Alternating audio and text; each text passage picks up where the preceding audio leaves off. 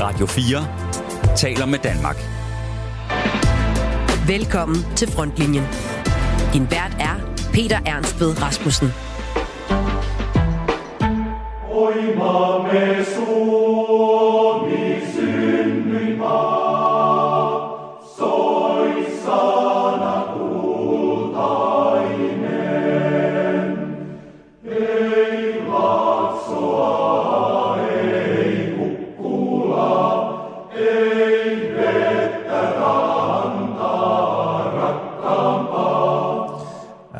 det være, at du bliver træt af, at jeg tillader mig at skrue ned for dette smukke stykke musik. Og måske kan du høre, hvad det er.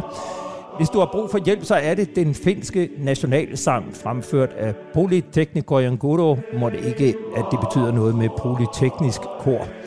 Den spiller jeg selvfølgelig, fordi vi i dag sender en specialudgave af Frontlinjen, som skal handle om Finland. Det store nordiske land med 1340 km lang grænse mod Rusland, som den 4. april blev optaget i NATO som det 30. medlemsland. Men hvad er det for et land, som nu ikke bare i ånd, men også i bånd af vores nære allierede? Hvad er det for en historie, som Finland bærer rundt på? Og hvordan har det påvirket finnernes indretning af deres forsvar? Og hvordan påvirker det NATO, at landet med de tusind søer og den lange grænse mod Rusland nu er et fuldgyldigt medlem af den vestlige forsvarsalliance? Det skal vi forsøge at finde svar på i denne udgave af Frontlinjen. Jeg har inviteret to gæster ind i mit private køkken, som til daglig også udgør operationsrummet i Olfi Headquarters, som er mit eget lille forsvarsmedie. Herfra har vi en altid skarp udsigt til frontlinjen i dansk forsvars- og sikkerhedspolitik. Velkommen indenfor. Radio 4 taler med Danmark. Til at hjælpe os med at forstå udviklingen i Finland, har jeg besøg af to kloge hoveder. Hans Mauritsen, seniorforsker ved DIS, hvor du aktuelt forsker i asymmetriske relationer mellem småstater og stormagter og om småstaters handlefrihed. Du har også skrevet et disputat om finlandiseringen, som vi vender tilbage til senere. Velkommen til dig. Ja, tak.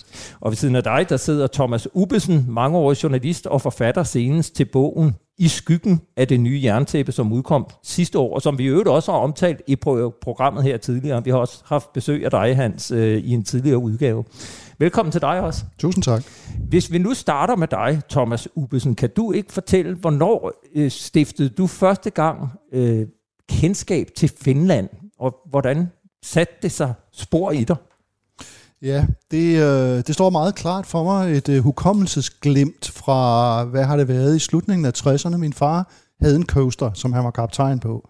Og i sommerferien sejlede vi øh, rundt i faktisk hele Nordeuropa, eller ned i kanalen og op til Island og sådan noget. På et tidspunkt kommer vi op til det her land, øh, oppe for, for, for enden af Østersøen og op ved øh, nordpå, og vi sejler ind gennem skærgårdene. Det er meget smukt. Man kan se det for sig, glimt, øh, øh, midnatssol og vandet glimter, og rigtig, rigtig smukt. Og jeg står ude på dækket, lille dreng på 10-12 år, eller noget af den størrelsesorden, og ser, at der står en, for, for mig at se, meget gammeldags ubåd klodset op inde på, øh, på en skærgårdsø. Øh, det ligner sådan en tegneserie ubåd eller sådan noget. Og så spørger min far, øh, hvad, hvad, hvad er det for noget? Hvorfor, hvorfor står den der? Det der en undervandsbåd, skal den ikke? Ah nej, så fik jeg så at vide af min far, det var hans forståelse af det, det var fordi, nu er vi kommet til Finland, og øh, i Finland, der var de blevet, øh, for det første havde de haft en krig med store Rusland, Sovjetunionen på den anden side, og det havde været ganske forfærdeligt, og de havde kæmpet fuldstændig heldemodigt, øh, men var endt med at tabe og var nødt til at øh, finde sig i en meget, meget uretfærdig fred. Og en del af den fredsaftale, fik jeg at vide, det var, at øh, deres militær skulle være begrænset. De måtte ikke have undervandsbåde, for eksempel, og derfor den her øh, karikatur på en undervandsbåd, den stod der og kunne ikke komme længere. Og, og, og det, grunden til hukommelsen stod så, man er meget, øh, børn har stor retfærdighedssans, tror jeg nok. Øh, og jeg, jeg, jeg, jeg var bare dybt på Finlands vegne berørt over, at de skulle finde sig i den overlast, at store, slemme Sovjetunionen, alias Rusland, kunne påtvinge dem noget så uretfærdigt som det her.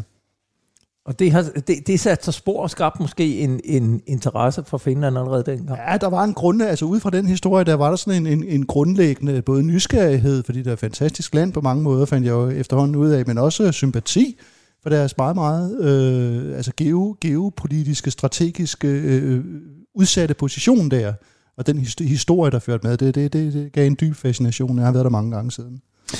Og Hans Mauritsen, du har jo beskæftiget dig med de nordiske lande og Finland øh, forskningsmæssigt gennem mange, mange år. Hvor, hvornår opstod din interesse for Finland? Øh, nu har jeg svensk familie, og det fører så båndene videre til Finland, fordi som bekendt er Finland jo tosproget, så øh, hvad er det 6, 6 procent af befolkningen, som jeg husker det, der taler svensk? Som har, nej, som har svensk som modersmål. Så udover det, så er det jo også et skolefag. Nå, okay. øh, men men de, de 6 procent, det er altså dem, der, der, der har det som simpelthen som modersmål, og som har svært ved at forstå finsk. Altså, det er jo skærgårds befolkning og sådan nogle. Men, øh, så, men, så det er jo sådan med den mere personlige del af det, men, men, men øh, teoret, jeg havde det teoretiske emne, som man kan kalde, øh, hvordan klarer små stater sig over for, der står alene med stormagter. Øh, og det har Danmark jo gjort i øh, historisk øh, over for Tyskland i øh, øh, fra 1870 og frem efter, og øh, i, øh, op til og under 1. verdenskrig, 2. verdenskrig. Så, øh, og så har vi lige sådan Finland, øh, som efter efter øh, verdenskrigen, øh, efter 2. verdenskrig øh, stod og, og, og, og måtte klare sig selv af, i en meget stor politisk afhængighed af Sovjetunionen. Og øh, den, den øh, fredstraktat, vi, vi har lige hørt om her, den, den øh, pålagde jo øh, øh, Finland, øh, man indgik en, en øh, venskabs- og bistandstraktat med Sovjetunionen i 48, og, og der blev så pålagt visse ting med, øh, med militærart, og frem for alt, øh, humlen i det hele, det var, at man måtte ikke være på nogen måde være vestens udpost mod øst. Øh, det havde man i, faktisk været under, øh, det havde man været i øh, 20'erne og, og 30'erne, kan vi godt sige. Øh, øh, fordi der havde jo været en borgerkrig, hvor de hvide besejrede de røde. Og derfor var, var, var der en, en, en meget stærk antikommunisme i, i, i Finland. Og øh, så kommer så de to krige, vi har talt om, vinterkrigen og, og den såkaldte fortsættelse. Men sådan din, din egen interesse for, for Finland, hvor, hvor, er, der, er der en sådan en speciel begivenhed, eller er det sådan noget, der kommer langsomt? Nej, det, det, det kan jeg ikke sige, men, men, men den der teoretiske interesse for, for småstater, over, øh, der står alene over for en stormagt, den, den, øh, den leder uværligt øh, øh, øh, baner vejen til Finland, fordi der, der var jo der var jo dengang, øh, det var, vi taler om 80, 80'erne, der var jo ikke andre eksempler på det end, end, end stort set end, end Finland. Jeg, jeg ledte febrilsk efter dem. Øh, Altså eksempler på... Øh, på, på den på, konstellation, fordi ja. øh, man kan jo sige, Varsava-pagt-medlemmerne dengang, de var jo ikke... Øh, det, det var jo noget andet. De var jo, de var jo, det var jo øh, satellitregimer, der var indsat ud fra. Finland havde jo sit eget sit eget øh, aut, øh, autonome politiske system, som så var ikke var helt autonomt, når det, når det drejer sig om sikkerheds- og udenrigspolitik. Og når vi taler om Finland i dag, så er det selvfølgelig, fordi landet det seneste år er gået fra alliancefrihed til fuldgyldigt medlem af NATO. Og for at forstå, hvad det er for en militær magt, som nu er blevet medlem af NATO, så ringede jeg til Danmarks forsvarsattaché i Sverige, som også dækker Finland. Han hedder Carsten Sandberg Hassenfus. Han er oberst, og jeg spurgte ham indledningsvis, hvordan han dækker Finland fra Stockholm. Jeg er jo forsvarsattaché for hele øh, den nordiske region. Øh, jeg er akkrediteret, som det hedder, til Sverige og sideakkrediteret til Finland og Norge. Det vil sige, at jeg bor jo her i Stockholm og arbejder herfra, og det giver selv sagt nemmere vilkår for at opbygge netværk øh, og samarbejde med svenske myndigheder og forsvar, end det gør både i Norge og Finland. Så det betyder, at når jeg så er i Finland, og når jeg så er i Oslo, øh, så bliver jeg nødt til at bruge rigtig meget tid på at mødes med folk og få opbygget øh, det der netværk øh, og den kontaktflade, der gør, at man taler lidt nemmere med hinanden. Jeg er vel, øh, jeg er vel sådan i Finland hver femte, øh, sjette uge, øh, og har møder deroppe med, med, dem, med dem, som jeg skal kunne række ud til og tale med, og hvor også de får mulighed for at lære mig at kende. Og, og fortæl så, hvor meget samarbejde har Danmark på det militære område med Finland? Der er masser af samarbejde med, mellem Danmark og både Finland og Sverige, men der er heller ikke nogen tvivl om, at det samarbejde, det har jo øh, taget et helt andet niveau, nu hvor Finland er en del af NATO. Og derfor så er der en række områder, hvor det samarbejde øh, det, det er blevet intensiveret, udvidet, og hvor der er rigtig mange tanker for, hvad det egentlig skal involvere i tiden, der kommer. Det handler jo om øh, samarbejde på at være koordineret, og det handler jo om samarbejde på at kunne have en, en mere sammenhængende forsvarsplanlægning øh, Danmark og Finland, men, men jeg vil hellere sige de nordiske lande imellem. Kan du ikke prøve at sætte nogle ord på, hvad er det for et øh, forsvar, som finnerne har opbygget og, og råder over her i 2023? Jo, det kan jeg godt. Finland har, det må, det må, vi, det må vi bare se, når vi kigger ind i det, et meget, meget, meget kapabelt øh, forsvar på, øh, på alle ledere og kanter. Øh, og det, og det, gælder, øh, det gælder både de enheder, som de øh, rent faktisk har, altså aktive i forsvaret, men det gælder måske især deres øh, evne til at kunne mønstre øh, reserve, øh, og, så, og så har de en, øh, en meget, meget, meget stor øh, og stærk øh, kapacitet og øh, evne til øh, at beskytte deres eget samfund, altså kritisk infrastruktur, beredskab, civilforsvar, totalberedskab eller totalforsvar. Altså der finder det meget, meget, meget stærke, og det, det, det hviler jo i en, øh, en forsvarsvilje, ikke bare i øh, den finske regering, men i den finske befolkning, der gør, at det er helt normalt for dem at være skruet sådan sammen. Der er jo mere end 55.000 beskyttelsesrum i Finland, og de har rent faktisk kapacitet til 4,8 millioner mennesker, øh, så de har jo en helt anden, de har simpelthen en anden opbygning af deres land på det, der hedder totalforsvar. Så det er, altså når du spørger om de her ting, så, så må man bare sige, de, øh, de har en, øh, en vilje og også haft en evne i deres land til at organisere sig helt anderledes på det, der hedder totalforsvar og forsvar. Der kunne vi godt lære noget. Ja, det, det, det, øh, det er der ingen tvivl om. Og hvis vi ser sådan i talstørrelse, hvor, hvor, hvor mange soldater i uniform råder de over, og hvor mange er det, de rent faktisk kan mønstre til, til altså når de aktiverer reserven? Jamen det er jo, øh, det er jo et kæmpe, kæmpe, kæmpe stort tal. Altså øh, sådan det finske forsvar har cirka 23.000 øh, mand i, øh, som, som det der hedder aktiv styrke. Øh, men så har de jo en reserve på øh, næsten 300.000 mand, og de har jo mulighed for at kunne mønstre i alt 900.000 mand. Og det, det, det tal, det skal jo ses, øh, det skal jo ses øh, op mod, at den finske befolkning er cirka 5,5 millioner. Så, så de, de en mindre har jo befolkning end Danmark. Forsvars... Præcis, så de har, de, har, de har jo en, øh, de har jo skruet deres forsvar sammen, øh, jo også med det afsæt, at de ikke har været en del af en øh, forsvarsalliance, og derfor skulle klare sig selv. Og derfor så har de en øh, kolossal mulighed øh, for at kunne mønstre reserve, reserveenheder. Jeg kan ikke lade være med at øh, tænke på, nu, nu bliver Finland jo er blevet medlem af, af NATO, og det kan jo godt være, at det får den betydning, ja. at de måske drosler lidt ned på nogle punkter, men, men omvendt må man jo også bare sige, at det er jo ret imponerende. Hvad, hvad kan vi i Danmark lære af den måde, Finland har organiseret sig på? Og jeg tror, et, et af de områder, hvor, hvor vi i Danmark kan, kan lære meget, det er, at hvis man kigger sådan på øh, NATO's artikel 5, den kender vi alle sammen. Det er det, der hedder kollektiv forsvar. Men der er jo også den her, der hedder artikel 3, som er evnen til, at man skal kunne forsvare sit eget land, indtil at man bliver hjulpet.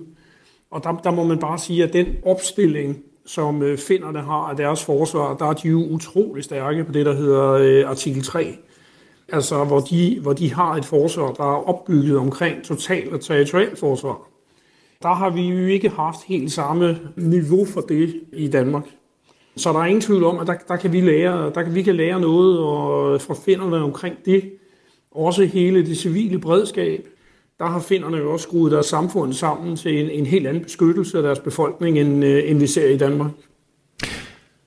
Og hvis vi så taler om øh, lige ser på, nu snakker vi lidt om, hvad, hvad de rent faktisk kan mønstre, men hvis vi lige ser på materielkapaciteter, hvad råder Finland over, som Danmark eksempelvis ikke har?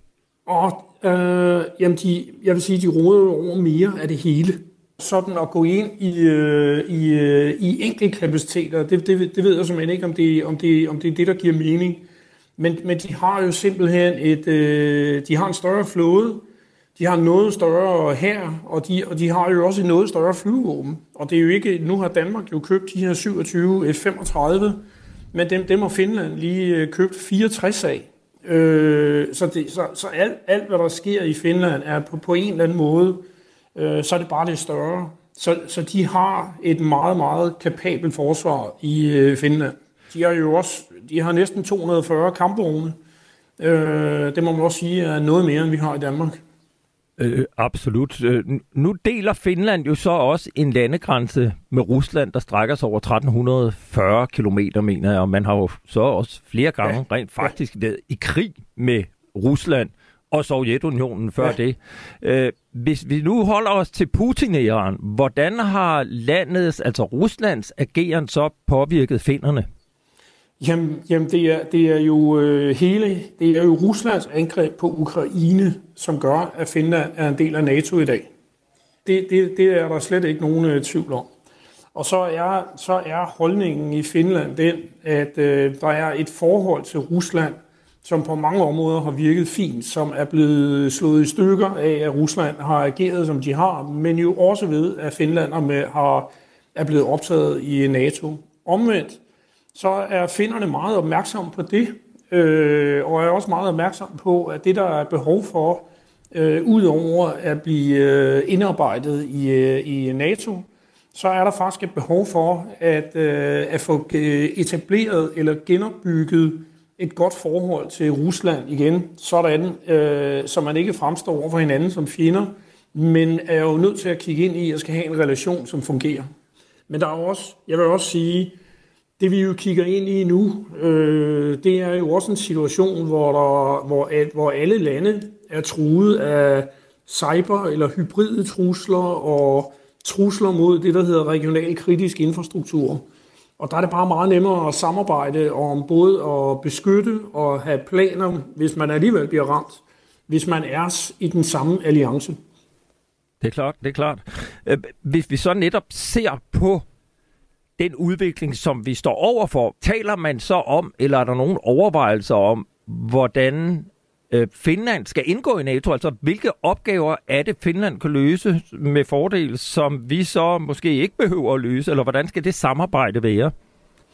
Jamen, jeg, jeg tror, hele, hele det med at Finland og på sigt Sverige i NATO, det vil jo betyde, at NATO skal, skal gentænke eller, eller bare tænke over, jamen, hvad betyder det for opgaver og kapaciteter og øh, kommandostrukturer. Der, der er en masse ting, som man i NATO skal have tænkt over, hvordan, hvordan man vil gøre det. Øh, de facto så betyder det, at Finland er kommet i NATO jo fra Danmark. Øh, det betyder jo, at Danmark også får en anden rolle. Vi er jo ikke længere på den måde øh, frontlinjeland til Rusland. Nu er det nogle andre ting, vi skal øve os på, og det er at samarbejde øh, forsvarsmæssigt med Finland og Sverige, og øve os i at kunne støtte logistisk og med enheder i et noget større område, end, øh, end vi har skulle tidligere, hvor, hvor det kun var Norge, vi havde den type af planlægning med.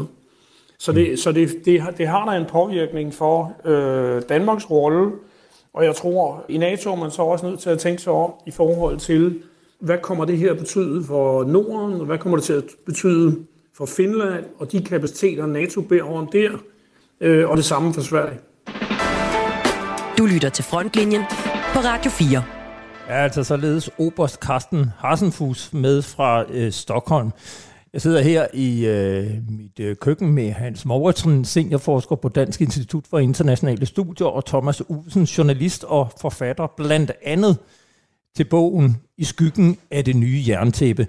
Øh, vi vender tilbage til det aktuelle, men jeg kunne godt tænke mig først lige at prøve at tage et skridt langt tilbage, Hans Mortensen. Øh, Finland er jo en ganske ung nation. Kan du ikke lige prøve at skitsere historien helt kort? Altså, øh, hvornår øh, begynder Finland at eksistere som selvstændig stat? Ja, altså det, det var jo øh, det var jo under den svenske krone i, øh, i øh, 400-500 år. Øh, og øh, der, der en af de mange krige med, mellem Sverige og, og Rusland fører jo så til, at, at Sverige må afstå øh, Finland, som bliver en del af, af det russiske øh, kejserige, men vel at mærke ikke, øh, ikke som resten af Rusland, men som såkaldt storhertugdømme, hvor, hvor zaren altså er storhertug af Finland også. Og det vil sige, at de kan bevare øh, en, fra det fra 1809, så der kan de bevare en, en stor del af deres, øh, hvad skal man sige, hjemlige autonomi. Øh, men øh, militært og, på, og udenrigspolitisk er de, er de selvfølgelig under, under, under Tsar Rusland. Øh, så kommer der en russificeringsperiode omkring, øh, omkring århundredeskiftet, og øh, Øh, da så Rusland bliver optaget af, af sin egen revolution, øh, så ser Finland sit snit til øh, at øh, rive sig løs, øh, og det sker ved, ved den tidligere omtalte borgerkrig mellem røde og hvide, hvor, hvor de hvide sejrer og Finland bliver, bliver etableret øh, som selvstændig stat. Og det er i 1917. Og, og hvad, hvis vi så lige øh, trækker øh, trådene hurtigt op her til i hvert fald 2. verdenskrig, hvad er det, der sker i Finland i de år der mellem øh, jo faktisk øh, 1. verdenskrig, som er der omkring også, og så op til, at, at 2. verdenskrig begynder? Jamen altså, vi har jo det, man kalder det hvide Finland, ikke? fordi det er de, som sagt det er de hvide, der har sejret i, øh, i, øh, i borgerkrigen. Og, øh, og det er, er Finland går ind for, for et stærkt øh, øh, nordisk samarbejde, øh, også militært. Det bliver så ikke til noget. Men øh, om man går ind for, at FA-brøvl, øh, Folkeforbundet, øh, som er FN's forløber, øh, de skal have en, en øh, stærk sanktionsparagraf øh, øh, i forhold til eventuelle aggressorer, som jo kunne være, frygtede man, øh, Sovjetunionen. Øh, det ville Danmark og Sverige dog helst ikke være med til, øh, og øh, derfor så gik det, som det gjorde med, med Folkeforbundet, øh, også på grund af, af andre forhold selvfølgelig, øh, så, så at øh, vi, vi så jo så irrelevansen af Folkeforbundet fra 35 og frem efter. Ikke? Men Thomas Ubesen, det er jo også et land, der har haft en hel del krige øh, været involveret i. Ikke bare øh, øh, en verdenskrig, vi kommer til om lidt. Der er borgerkrigen i, i 1918 der er vinterkrigen, der er fortsættelseskrigen og, og Laplandskrigen. Hvad, hvad er det for en øh, identitet, finderne har? Hvad er det for et forhold, de har til krige? Min oplevelse på min seneste længere rejse i Finland, og talt med øh, virkelig mange øh, hvad skal man sige, menige øh, finder, var, at øh, de, der, for det første er det vigtigt, at, øh, det, så det har vi også været lidt inde på nu, forsvarsviljen altså har et helt andet format, end vi nogensinde har oplevet på vores breddegrader forsvarsviljen er, er, er til at tage at føle på. Øh, øh, det, det er et, man, man har oplevelsen af et totalt mobiliseret land. Og når man så spørger, vi jeg har snakket med diverse reserveofficerer, sådan, som lader sig genindkalde år efter år efter år, og tager det meget, meget alvorligt.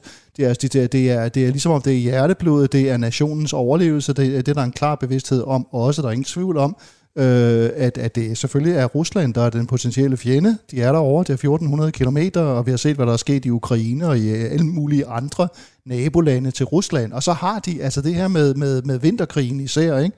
Fordi der, der oplevede man de jo i, øh, i, i november 1939 stort set det samme, som Ukraine er kommet ud for, øh, for så lang tid, at de øh, uprovokeret bliver angrebet af det her land, øh, og af en, af en magt, som har, har til scene simpelthen at afskaffe Finland helt og holdende og rydde det af, af landkortet. Så der er en, en total parallelitet her. Ja, nu, nu kunne jeg finde på lige at, at afbryde, for du har fuldstændig ret umiddelbart efter 2. verdenskrigs udbrud i september 39 der blev en hver småstats værste mareridt til virkelighed for Finland, da Sovjetunionen invaderede langs de to landes fælles grænse den 30. november, altså 1939.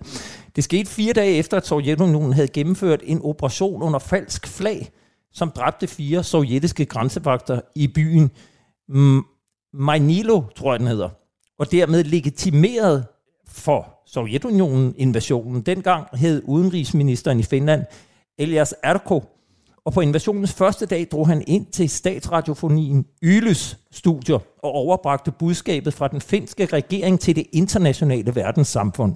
In spite, in spite of the fact that Finland's sole desire has been to live in peace in her own corner of Europe on good terms with her neighbors, The war is upon på trods af, at Finlands eneste ønske har været at leve i fred i sit eget hjørne af Europa på fod med sine naboer, er krigen over os. en stormagt, som vi har forhandlet med om at opretholde et godt naboskab, forhandlinger der stadig er åbne, har ensidigt, har ensidigt opsagt en ikke-angrebspagt, som skulle håndhæves frem til udgangen af 1945. Den har i dag angrebet os, bombet ikke blot vores forsvarsstillinger og befæstninger ved grænsen, men også fredelige byer, ødelagt hospitaler og spredt krigens terror over dette land. peaceful towns as well, destroying hospitals and spreading the terror of war over this country. Around me, here in Helsinki, I see houses falling together, houses burning in different parts of town. Omkring mig her i Helsinki ser jeg huse, der falder sammen, og huse, der brænder i forskellige dele af byen. Civile dræbt i deres hjem, både voksne og børn. Helsinki er ikke det eneste sted i Finland. Vi har ikke gjort noget for at give anledning til et sådan angreb. Vi er blevet beskyldt for at gribe til fjendtlige handlinger og udgøre en trussel mod denne stormagts sikkerhed. Jeg kan forsikre jer om, at Finland som en lille nation aldrig kunne have været og aldrig kan blive en kilde til fare for nogen stormagt. Never could have been and never can be a source of peril to any great power. Det var den daværende finske udenrigsminister Elias Erko. Øh, Finland var i 39-40 og igen i 41-44 i krig mod Sovjetunionen i henholdsvis vinterkrigen og det, der så har fået navnet fortsættelseskrigen. Hvad drejede de to konflikter sig om? Altså, vinter, vinterkrigen var i, i realiteten et, et resultat af Ribbentrop-Molotov-aftalen. Altså, det var Hitler, øh, Tyskland og Stalins øh, Sovjetunion, som, var blevet, som i groft sagt var blevet enige om, hvordan Østeuropa skulle deles. Øh, og der fandt øh, Finland efter den afskyelige aftale ind under, under det sovjetiske interessesområde, og derfor havde Stalin øh, fået det indtryk, at det tager jeg, ligesom jeg har taget de, jeg tager, eller har taget de baltiske lande og halvdelen af Polen. Så derfor øh, kom det overfald der, og det er jo lang og, og, og heroisk og fantastisk historie om den krig, den vinterkrig. Jeg prøver prøv lige at oprise, hvad, hvad Gan, sker der ganske, jeg, jeg, jeg, jeg var selv derude på slagmarken nord for Suomussalmi, oppe i de dybe skove for, for lige et års tid siden. Midnatssol og, og de her skove, der ender inde ved den russiske grænse, de her skovveje, betydningsløse skovveje. Den ene af dem hedder Ratevejen, den er meget berømt, der ligger nord for Suomussalmi, og det var sådan et klasseeksempel på det, som, øh, som bliver kaldt et motislag. Det er en finsk specialitet, der blev opfundet ved den lejlighed, fordi øh, russerne gjorde, ligesom vi så i slaget ved Kiev sidste år, de rykkede ind af en vej. I det tilfælde var det mod Kiev. I det her tilfælde i 39 vinteren der, og der skal vi lige huske 30 minusgrader, mørke, øh, 23,5 timer i døgnet øh, rykker de ind af en elendig skovvej, omgivet af, af frosne søer og skov og mørke og iskugle i retning af Suomusali, og øh, med, med en knusende overmagt. Altså, jeg ved ikke, 50-100.000 soldater. Jo, mange af dem tvangsindrullerede ukrainske soldater. Der er mange ukrainske ofre i massegravene deroppe. Øh, det finderne gjorde, det var, at de var selvfølgelig øh, klart underlegne, de også øh, havde slet ikke den militære styrke til den. Til gengæld så reagerede de prompte og effektivt. Altså, vi, altså øh, det traditionelle billede er, at de var i hvide overtrækstrakter, det kan man se for sig på, på billeder. De havde maskinpistolen på ryggen, maskingeværet på ryggen og på ski, om bagved, om bagved den her russiske kolonne, som famlede sig frem i mørke og kulde, og ikke en tilstrækkelig varmt tøj, ikke tilstrækkelig ammunition og mad, og så hugger de den af bag til. Og så har vi en mochi. Man deler det op i motier, det er mundfulde af 3-4 km længde. Deler det op, altså så russerne bliver isoleret i de her grupper, og så går man i gang med systematisk at massakrere dem. Og de, nogen, nogen lykkes der at flygte ud i skovene, ud over søerne og tilbage til Sovjetunionen, hvor de bliver henrettet for forræderi, og resten dør simpelthen derude. Man kan se det derude i skovene i dag. Inden, hvis man går ind i skovene visse steder, er jorden sunket ned. Det er der, hvor, øh, hvor, grave, eller hvor de er blevet kuglet ned. Det er ikke grave, men alle de her russisk-ukrainske soldater er, er blevet kuglet ned. Så det var, øh, det, der kan ikke sættes tal på, men der er øh, muligvis 200.000 sovjetiske soldater, som, som omkom i de der krige. Og bare for at slutte vinterkrigen af, ja, finderne tabte i sidste ende. Det var heroisk, det var, det var fantastisk. Russerne havde kæmpe tab, eller Sovjet havde kæmpe tab, øh, men de tabte. Og så kommer, hvis jeg lige må, efter, efterfølgelseskrigen, den er mindre dramatisk øh, øh, på det, i den forstand, men det kommer i og med, at Hitler beslutter sig for at overfalde Tyskland, eller Sovjetunionen, øh, Operation Barbarossa, 22. juni 1941, øh, og så inviterer han de slagende finder med øh, har I ikke lyst til at få revanche for, for den uret, der overgik, øh, og dermed bliver Finland så allieret med Tyskland. Og det er sådan, i det store historiske perspektiv, er det selvfølgelig en uheldig konstellation, men det er meget let at forstå, hvorfor, hvorfor finnerne gik med, fordi de ville have deres tabte territorier tilbage, og de ville have, have hvad skal man sige, genopretning for, for, for det, der var sket. Og den krig, den er karakteriseret ved, den står på frem til sommeren efteråret 44. Der ligger, altså finnerne går ikke ret langt ind. De går ind, og de tager til Karelen tilbage de områder, de har tabt, og så, og så er der, udvikler der sig en skyttegravskrig, for de har ikke større ambitioner.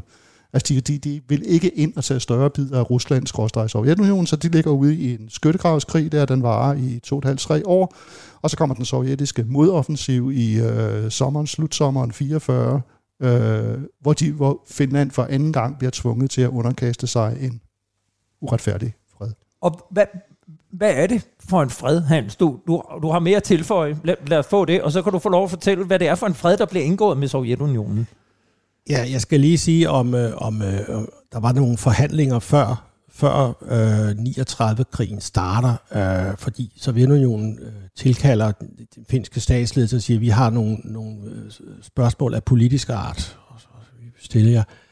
Og det drejer sig om, at den strategiske baggrund set fra sovjetisk side, det er, at man frygter, at Finland er på vej ind i en alliance med øh, Tyskland, altså i 39. Øh, og der frygter man, at Finland kan blive et brohoved for et tysk angreb på, på Sovjetunionen. Og det er, fordi den finske grænse øh, ligger meget favorabelt efter, fra, efter 1918. Der ligger den øh, meget favorabelt i forhold til for Finland, og meget tæt på Leningrad. Øh, og så er det, så er det øh, russerne siger, nej, det her det er for tæt på Leningrad. Vi vil have en, noget mere buffer der. Vi vil have noget øh, område på det karelske næs. Så kan I få noget kompensation op i Nordfinland. Og så siger finderne, jamen det kan vi da godt snakke om, men, men for forhandlingerne ender resultatløst, fordi finderne tror, at det der det er bare den første bid øh, på, på vej mod noget, noget yderligere. Så de, de ender med at sige nej, og så tror de, så sker der ikke mere. Så går der 14 dage, og så har vi, så, så starter krigen. Og, og da der så kommer fred, og de indgår den aftale med Sovjetunionen, hvad er det, der er i den? Ja, det er, at russerne får en, en, øh, den såkaldte Porkala-base, som ligger på en halvø øh, over for Helsingfors. Så de, de kan skyde over, hvis de skulle have lyst til det. Ikke? Og det vil sige, at Finland er, er, er, jo, øh, er jo ikke noget rigtig suverænt land, når der ligger en, en fremmed base så tæt på, på, på hovedstaden. Og hvad taler vi om i kilometer? 30, 30 km, sådan noget, knap nok. Øh, og den, den base har Sovjetunionen frem til øh, 1955, øh, hvor finnerne så føler, at nu er vi på en eller anden måde, nu er vi blevet selvstændige igen. Øh, det er Khrushchev, som øh, blandt andet giver dem øh, Porkala-basen tilbage, og, og også nogle øh, andre ting. Øh, og øh, det giver en, en vis form for optimisme, øh, og, og landet begynder at kalde sig neutralt og, og kan føre en mere selvstændig udenrigspolitik. Radio 4 taler med Danmark. Ja, vi er i gang med en udgave af Frontlinjen Special om Finland, og jeg sidder her med Hans Mauritsen, seniorforsker på Dansk Institut for Internationale Studier, og journalist Thomas Ubelsen, som blandt andet har skrevet bogen I skyggen af det nye jerntæppe. Øh, vi kommer så ind i den kolde krig, hvor der opstår et begreb, som hedder finlandisering. Kan du ikke indledningsvis prøve at sætte et par ord på, hvad er det, det dækker over, Hans Mortensen? Ja, der vil jeg lige først sige, at det, det er blevet, blevet brugt meget som sådan et, øh, et øh, slagtræ i, i den offentlige debat i, i Vesttyskland i, i 80'erne øh, og 70'erne måske også, øh, hvor øh, de, de borgerlige partier, CDU og CSU, de angreb Willy Brandt for hans øh, øh, udsoning med, med de øh, østeuropæiske lande og med øh, Sovjetunionen. Og så sagde de, at det, som Willy Brandt han er ved at, at, at, at gøre, det er, at, at, at Tyskland eller Vesttyskland bliver finlandiseret, og dermed mener man altså et land, som har bragt sig i en, øh, en særlig, øh, et særligt afhængighedsforhold til Sovjetunionen. Det blev taget meget ilde op i Finland, og det er jo heller aldrig særlig sjovt, når ens eget land bliver, bliver brugt i, til at danne adjektiver med, fordi det som regel er noget negativt. I kender også ordet danmarkisering, øh, som betyder øh, et land som Danmark, der ikke vil bruge penge på forsvaret i tilstrækkelig omfang. Så det er aldrig så sjovt, når, man, når ens land bliver brugt på den måde.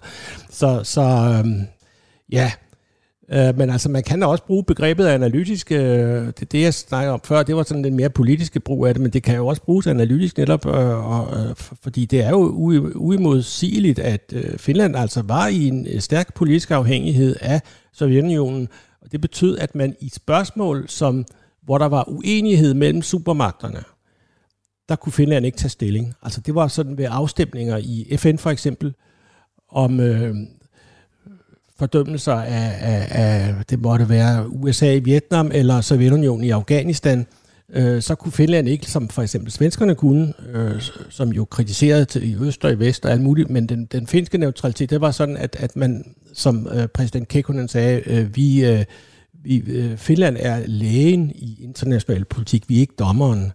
Underforstået, det er svenskerne, der, der skal, skal dømme alle. Men det gør vi altså ikke. Vi, vi har sådan en lavere profil.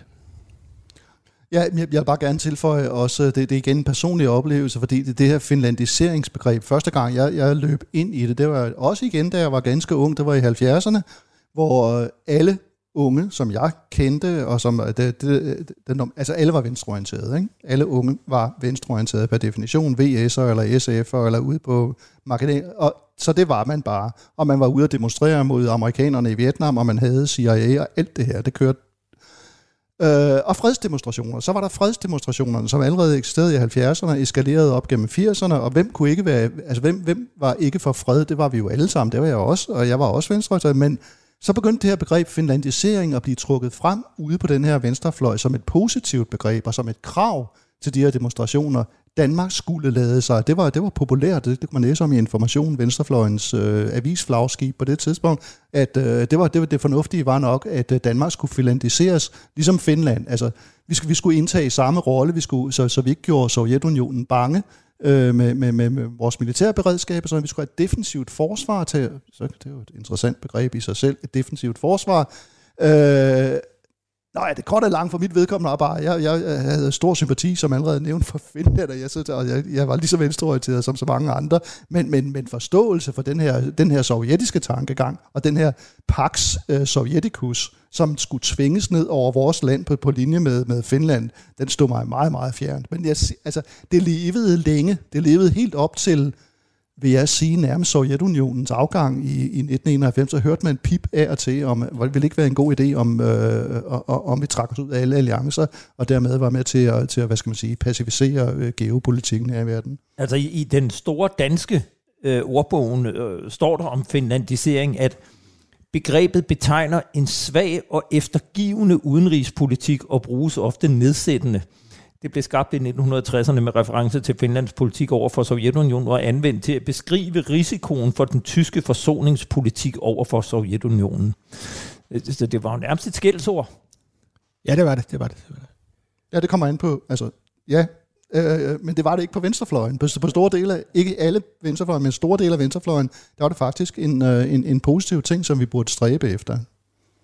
Hvad siger finderne selv til at øh, lægge navn til sådan et øh, udtryk for at indordne sig? Er det, er det glædet ud i dag? Bruger, er, er det sådan noget, det er vel nærmest øh, dødt med, i hvert fald nu, eller, eller hvad? Nej, det, det er det ikke, fordi det er, er, er, er fortsætter med at være et, et, et slagtræ.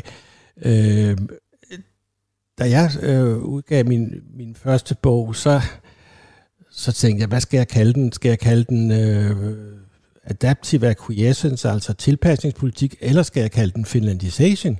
Tænk på, hvad, hvad sælger bedst? Øh, det er nok det sidste, ikke? Øh, men, men det var jo, derved kom jeg lidt til at spille med på den her øh, vesttyske dagsorden, hvilket jeg absolut ikke ønskede, fordi jeg ville prøve at føre en analytisk øh, diskussion af de her ting. Så, men, men de tog det meget pænt i den, i den finske ambassade, og, og også mine kolleger i Finland øh, øh tog, tog det sådan set nogenlunde pænt. Men altså, i, i Finland var man altså sure over at blive brugt, var sure over at blive brugt på den måde øh, i debatten. Og, og i dag, der er det efter alle de her begivenheder, vi nu taler om her, øh, øh så er debatten jo i Finland jo sådan, at man er, man er ude i sådan en slags øh, næsten øh, kritik af, af, af fortiden, og, og, og nu, nu, nu siger man sgu, at vi var sgu da finlandiseret dengang. Ikke? Så, så, så der, vi er kommet bliver... over det. Ja, ja, sådan noget, ja. Radio 4 taler med Danmark. Uh, we want to become member of, of NATO because we don't ever again want war uh, in Finland. We have been in war with Russia before. Uh, Vi vil være medlemmer af NATO, fordi vi aldrig igen ønsker at opleve krig i Finland. Vi har været i krig mod Rusland tidligere, vi har stærke militære kapaciteter, men vi er nødt til at have den trussel, der ligger i artikel 5 om, at andre lande vil forsvare et NATO-land, som bliver angrebet. Finland vil naturligvis også forsvare andre, andre når vi bliver medlem af NATO. Sådan lød det fra Finlands nu daværende statsminister Sanna Marin, da hun i januar gæstede World Economic Forum i Davos i Schweiz og blev spurgt ind til findernes beslutning om at søge optagelse i NATO. Få måneder senere blev Finland som blev kendt lukket ind i det gode selskab efter et optagelsesforløb, som Ruslands præsident Vladimir Putin med invasionen af Ukraine bidrog til at sætte gevaldigt tur på. I Finland vil man i dag gerne have et fornuftigt diplomatisk forhold til sit naboland mod øst, hørte vi altså Carsten Sandberg Hassenfus fortælle. Omvendt har man set sig nødt til at reagere på Ruslands aggressive adfærd ved at opbygge et særdeles kapabelt forsvar. Så hvor realistisk er det, at finder og russere kommer til at kunne blive enige om noget som helst efter Finlands optagelse i NATO, som Rusland jo adskillige gange har beskyldt for aggressiv ekspansion? Det er altså, at tingene bliver afgjort på slagmarken i Ukraine nu, og hvordan efterspillet bliver, det kommer til at afgøre også det. Altså, hvad kommer der til at ske i Rusland efter, efter et katastrofalt for håber, både håber og tror jeg, katastrofalt nederlag i Ukraine, så vil vi aner ikke, hvad det er for et, et Rusland, vi står over for, efter, når, når det så er sket.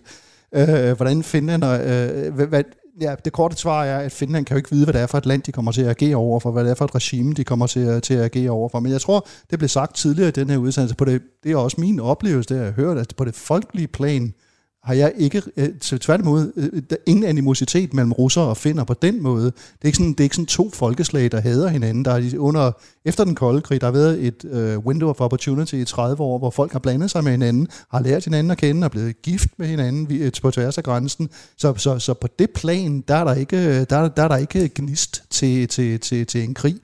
Øh, så der skal helt andre faktorer Det er modstand mod det russiske regime mere end det den russiske ubetinget, befolkning. Ubetinget. Det, jeg, jeg, jeg har hørt udtalt kærlighed til russerne. Ikke? Vi har lært russerne at kende. Dem, som vi ikke måtte have noget som helst at gøre med under, under hele den kolde krig øh, og faktisk helt tilbage til øh, siden 1920. Dem har vi nu lært at kende, og de er rigtig søde mennesker, øh, fuldstændig ligesom os andre. De har ikke, øh, de har ikke øh, hvad skal man sige, imperialistiske aggression. Nu taler jeg på Finlands vegne, eller Finders vegne. Det er ikke mig selv, der taler her. Men de har ingen imperialistiske aggression, de søde og rare mennesker.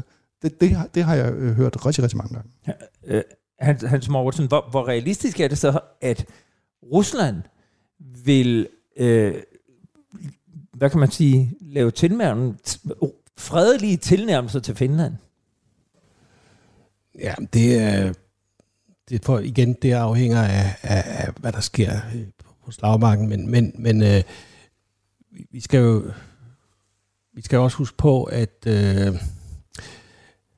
altså for eksempel øh, Lavrov, den, den øh, russiske udenrigsminister, har udtalt, at, at øh, nå ja, nu tyder det så på, at øh, Finland og måske også Sverige bliver medlemmer af NATO, men øh, Altså, så længe de ikke øh, flytter noget isenkram ind i, i, i landene, øh, så, så er det jo bare, så er det jo ikke, øh, så, så er det ikke så, så væsentligt. Øh, så, så den udtalelse, den, den kunne tyde på, at man, øh, man, man vil tage det sådan rimelig, rimelig pragmatisk. Men altså, man kan jo godt se på landkortet, hvordan øh, NATO, øh, de blå NATO-farver, eller hvad farve det nu er, de rykker tættere og tættere på. Ikke? Det er den, den fornemmelse, man har. Ikke?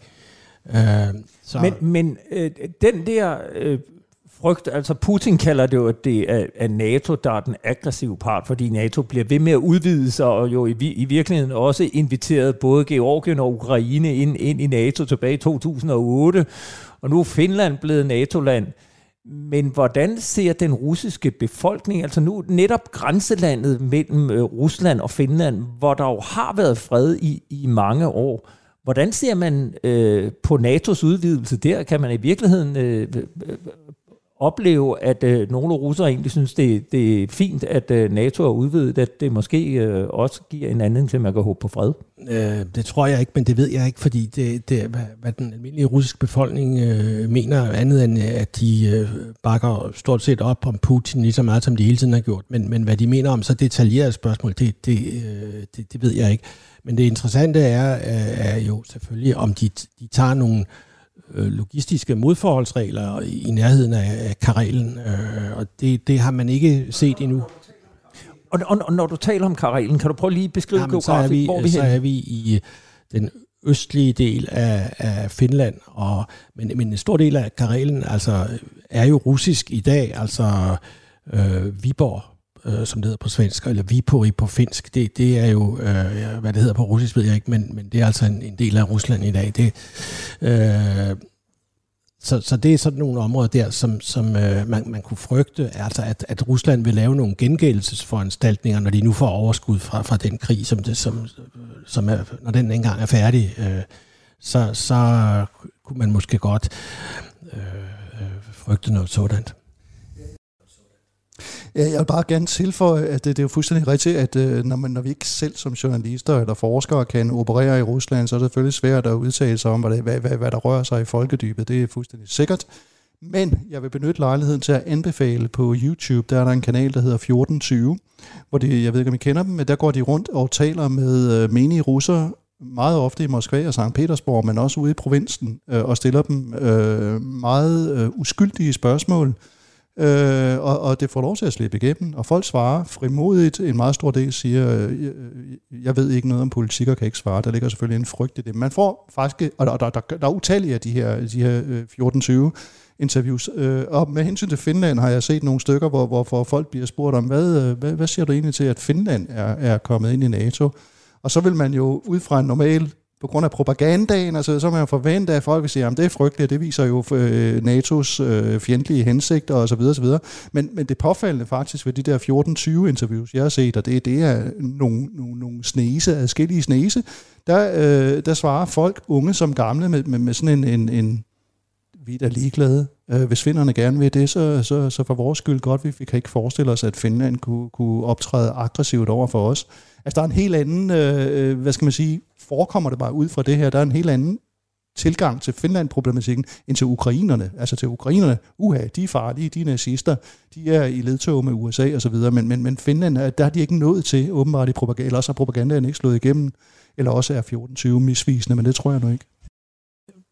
Nu er Finland jo så medlem af NATO, og, og hele den her forsvarsvilje og det meget, meget stærke forsvar, vi hørte, de kan øh, jo mobilisere helt op til 900.000 mand, øh, bygger jo på hele tanken om, at de står alene. Når de nu bliver medlem af NATO, tror I så, at vi kan forvente, at Finland drosler ned på militæret, eller vil Finland i virkeligheden bare bevare den position, hvor de jo i virkeligheden går ind og bliver en meget, meget, meget stærk spiller i NATO? Ja, men øh, jeg, jeg tror det sidste, jeg tror absolut ikke, man klimaet i øjeblikket er ikke til at drosle ned. Altså, øh, men, men, men forhistorien er jo, at, øh, at øh, Finland har jo ikke deltaget i sådan internationale operationer i noget stort øh, omfang, ligesom øh, Danmark og i nogen grad Sverige har gjort. Fordi de har vist, hvad de kan militært. De har ikke haft noget behov for Øh, at skulle ud og vise sin militære for, formåen. Det har Danmark jo for, på grund af vores gamle tradition med 1864 og, og sådan folk, der sagde, jamen vi kan jo ikke slås. Jamen, så tager vi ud på alle mulige øh, missioner, som amerikanerne ønsker, og så, så viser vi, at vi kan sgu godt slås, og det gjorde vi også i, øh, i i eks-Jugoslavien. Ikke? Men, men det behov har Finland slet ikke haft, øh, og, og derfor så er de bare blevet derhjemme stort set, og, og har har fortsat sit øh, territorialforsvar, og, og, og, og så, så, så i dag kan de sige, hvad sagde vi? Ikke? Hvad sagde vi? Hvad, hvad, hvad, hvad, hvad vurderer du, Thomas Ubesen? Altså, tror du, det er øh, realistisk, at der kommer nogen, øh, at man høster en fredsdividende i Finland over nu, at man er blevet medlem af NATO? Det tvivler jeg meget stærkt på. Øh, det, var, det var meget interessant at se, altså at al den her snak om fredsdividende, som vi havde i 90'erne og 0'erne her hos os, den har til synligheden overhovedet ikke fandtes i, i Finland, på trods af, at de øh, også, altså de var jo meget tæt på NATO, altså de var, øh, hvad skal man sige, øh, øh, Øh, prospects til NATO, og det har de været rigtig længe, og, og, og, og så videre. Så, så fredsdividenden har de ikke på noget tidspunkt øh, sigtet mod at, at høste, og det jeg kan slet ikke forestille mig i, i kølvandet på det, der er sket nu her, og med den forsvarsvilje, der er i, i Finland, at, at det kan ikke være et populært synspunkt, at nu skal vi til at skære ned til fors, på forsvaret og håbe på, at NATO kommer og redder os. Og jeg ser det samme i øvrigt i de baltiske lande. Øh, de er også øh, de er lidt i samme situation, bare i mindre målestok, men, men, men mindst lige så troet. Men der, der altså alt tale handler om oprustning, snarere end nedrustning nu, ikke? fordi det er alvor. Og øh, jeg ved ikke, om man kan ekstrapolere fra de baltiske lande til Finland, men lad mig gøre det alligevel. Altså i de baltiske lande hører jeg, at, at folk siger, at det er godt, vi er medlem af NATO, ikke? men øh, der, der er langt til NATO, og øh, russerne er lige her ved siden af, og de kan være her på 10 minutter eller, eller et par timer, og det kan bare længe, længe før NATO for det første træffer sin beslutning, om de så overhovedet når frem Øh, så, så, så, så at begynde at, at, at høste fredsdividende, når man er i den situation, det er helt urealistisk, og jeg kunne, altså Finland er jo praktisk taget i samme situation, så de må hellere kunne forsvare sig selv, for NATO kan altså ikke være der på, øh, på 12 timer. Nu var min kollega Kasper Junge Vester i Polen og, og fortalte netop om præ- præcis den samme holdning i Polen, altså som jo er meget større land, med et meget stærkere øh, forsvar end, end, jeg vil sige, jo næsten et af Europas stærkeste forsvar. De har jo også den holdning, at øh, ja, ja, vi er medlem af NATO, men kan vi nu også stole på, at de kommer, når der virkelig er brug for det? Og så bare et, et tillæg til, og, og igen en observation fra Finland blandt de her militærfolk, øh, reservister og så videre, som jeg har talt med, så er der altså for det første, der er en stolthed over forsvaret af deres militær. Vi har altså stadig, der er en bevidsthed om, at vi faktisk er måske Europas stærkeste militærmagt. Du siger, at Polen var stærk. Det er muligt, at Finland er endnu stærkere, og de, øh, det blev pointeret flere gange, at øh, især deres artilleri, altså bortset fra alt det andet, som de også har masser af, vi hørte 240 main battle tanks, det er godt nok en styrke, der vil noget. Men derudover, det er fem gange så mange som Danmark. Ja. Og derudover Europas stærkeste artilleri, og som de sad og sagde, de her militærfolk til os, øh, russerne siger det jo selv, øh, krigens skud, det er artilleriet, og det er det, vi har. Så, og så lige afslutningsvis sagde, så NATO skulle nok være taknemmelig for at få os som medlem. Ja, øh, jeg, jeg tror, den udvikling, der er sket i Finland, er, er, er jo ret overraskende en, en total omsvingning, øh, som vi har talt om her, fordi holdningen var, der, øh, indtil for, for to år siden, øh, så, så var der var der kun 20 procent af befolkningen, som ønskede medlemskab af NATO, hvis man kunne få det. Øh, fordi hvad skulle vi dog det for? Vi, vi har jo haft et stabilt forhold her i, i den nordøstlige del af, af, af kontinentet, og, og, og, og vi har kunne, kunne have et godt forhold til Rusland. Øh, men, men det er så, krigen, den, den vender alt, og, og det er, jeg tror personligt, at det var meget præsidenten i Støs øh, omorientering, kombineret med opinionstallene, som pludselig øh, skiftede fra 20% til, til 60% cirka. Og, og, og så parlamentarikerne, der var, de blev udsat for en knivtangsbevægelse, både fra, fra præsidenten og fra, og fra neden. Og, og, og parlamentarikerne, der var en vis træhed. Ah, vi kan jo ikke lave om sådan. Men det blev de, øh, det blev de nødt til på grund af den der øh, knivtangsbevægelse. Og, og her afslutningsvis, øh, vi, vi er i gang med de sidste minutter. Tror I, at den øh, virkelighedsopfattelse, man har haft i Finland, og man har nu med fuld medlemskab i NATO og et bumstærkt forsvar, med al den debat, vi har i Danmark om, hvad det er, der sker i Ukraine, i Rusland og i landene omkring os, tror I, at der er nogen som helst, øh, jeg at sige, chance for, at vi i Danmark kan begynde at lytte lidt til finderne, og begynde at få en mere sense of urgency, altså øh, øh bevidsthed om, at truslen er ikke særlig langt væk, og vi er nødt til at gøre noget for at komme på omgangshøjde. Det øh, baseret på de sidste 50-60 års erfaring, så tvivler jeg lidt på det. Altså det er heller ikke min oplevelse, når jeg, når jeg taler med folk. Altså vi, vi, vi, vi kender slet ikke det der. Altså vi, vi, ja, det der med at opleve, at vi har en...